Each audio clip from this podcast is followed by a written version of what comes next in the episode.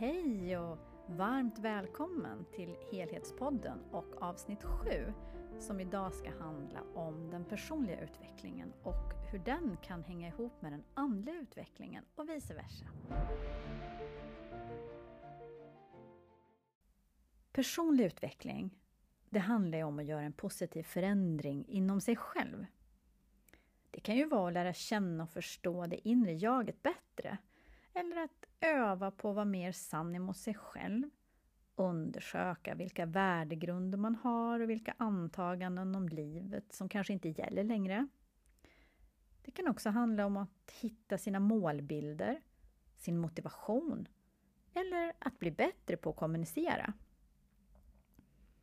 Personlig utveckling kan ju handla om att stärka sitt inre personliga ledarskap eller sitt yttre ledarskap eller både och. Personlig utveckling handlar ju nästan alltid om självförtroende, självkänsla, självbild, självempati och självkärlek. Ofta kan det handla om att byta jobb, ändra livsstil, ensam eller tillsammans i en familj eller på en arbetsplats.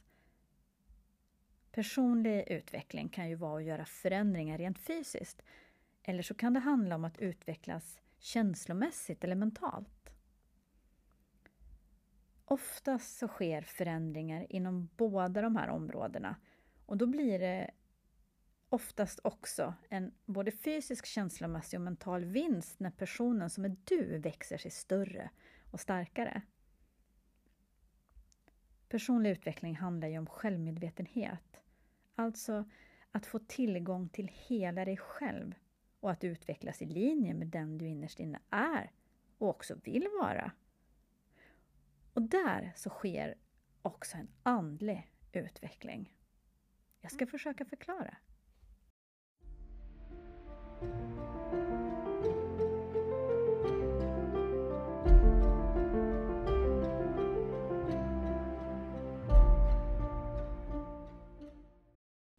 Många som jag möter har kastats in i en personlig utveckling lite snabbt, abrupt.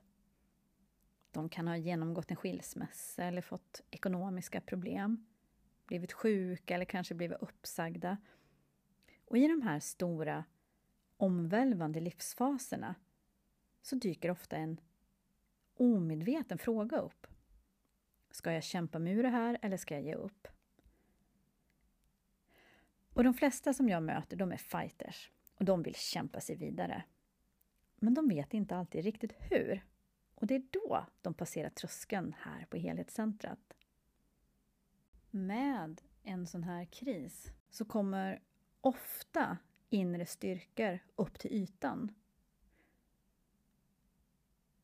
Och det kan bero på att när man har varit i den här trygga kokongen så har man inte tvingats att gå in i det man är mest rädd för.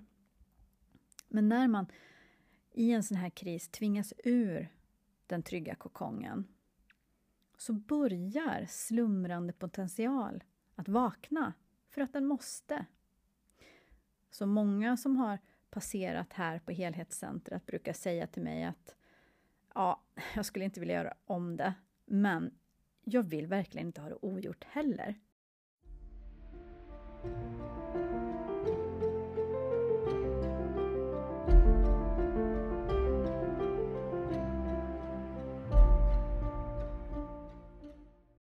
Med andlig utveckling så bjuder jag in dig att ta del av flera dimensioner av verkligheten och livet. Att gå utanför jaget och se att du och jag vi är en del av någonting större och alla val vi gör har betydelse för helheten. Det är andlighet för mig. När du utvecklas till en viss nivå i den personliga utvecklingen så kommer du att komma i kontakt med din själ. Och när du kommer i kontakt med din själ så blir det möjligt att leva i linje med ditt sanna jag och din inre visdom. Så en stor kris kan göra att man får tillgång till sin intuition djupet i alla sina sinnen och att man blir medveten om och använder sina förmågor till att leda sig själv i linje med sitt allra innersta väsen och sitt högre jag. För mig har andlighet ingenting med religion att göra. Även om den såklart kan ha det om du väljer att utöva din andlighet på det viset. För mig har spiritualitet och andlighet mer att göra med att få tillgång till hela sig själv. Att få tillgång till alla sina förmågor och livet som helhet. Vi är ju alla en fysisk kropp, en känslokropp, en mental kropp, en andesjäl. Och att ha kontakt med alla fyra kroppar, det ger ju en djup tillfredsställelse till livet. Alla är vi ju andliga från födseln. Och vissa har mer tillgång till sin andlighet än andra. En del känner kontakten i meditation, andra under en healingbehandling, vissa när de är i naturen och andra när de är i samspråk med andra andliga spirituella sökare. Och yoga, det har ju varit en öppning till det andliga för många. En av mina favoritförfattare, Wayne W. Dyer, han myntade ju det här begreppet att vi är andliga varelser med tillfälliga jordiska erfarenheter. Den gillar jag starkt. Därför att många tror att vi är människor med tillfälliga andliga erfarenheter. Men vad händer om vi tänker tvärsom, att vi är andliga varelser med tillfälliga jordiska erfarenheter? Allt som man upplever under den andliga utvecklingen går ju inte att ta på. Men det är ju ändå en del av min verklighet. Och många är vi ju som har upplevt att vi är en fysisk kropp samtidigt som vi har en själ och att våra sinnen i vissa lägen kan förnimma och veta vad som kommer att hända innan det sker. Det vill säga, vi står i kontakt med vår intuition.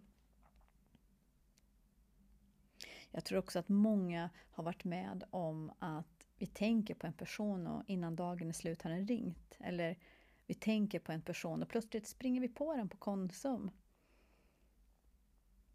Eller att vi från första mötet med en människa vet att vi inte kan lita på den här och sen visar det sig vara sant.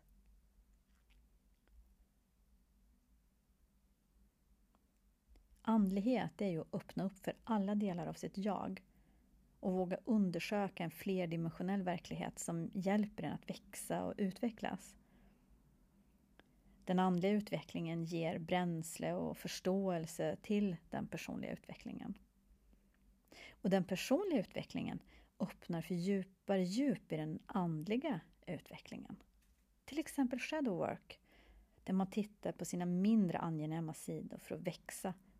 Och så inser man att de här mindre angenäma sidorna har maskerat både personlig och andlig potential. Och det här är någonting som jag tycker är mycket spännande.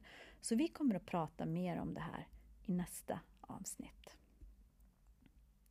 Så fram tills dess så hoppas jag att du vågar förena din personliga och din andliga utveckling. Vågar utforska vem du är, både i din egen person men också vem du är i din omgivning, men också vem du är i ett större perspektiv.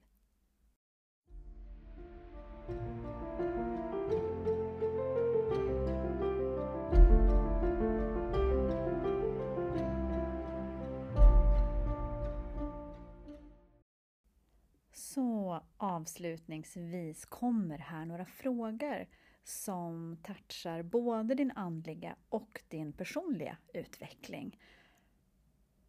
Ta dig lite tid när du ska svara på de här frågorna. För de kan ge dig fler än ett svar. Och de kan ge dig en ökad mening med livet. Med en mening. Vad gör det värt smärtan?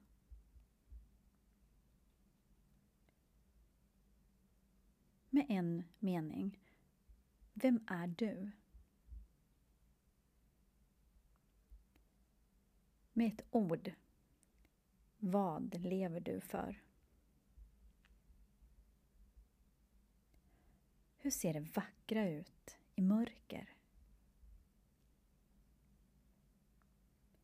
Vad kan ingen någonsin stjäla ifrån dig? Vilket intryck vill du lämna hos dem du älskar?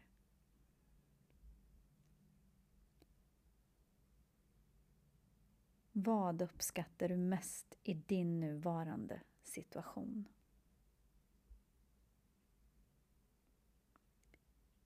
Vilken chans är det som ges dig varje dag? Varför är du här? Och tills vi ses igen så önskar jag dig allt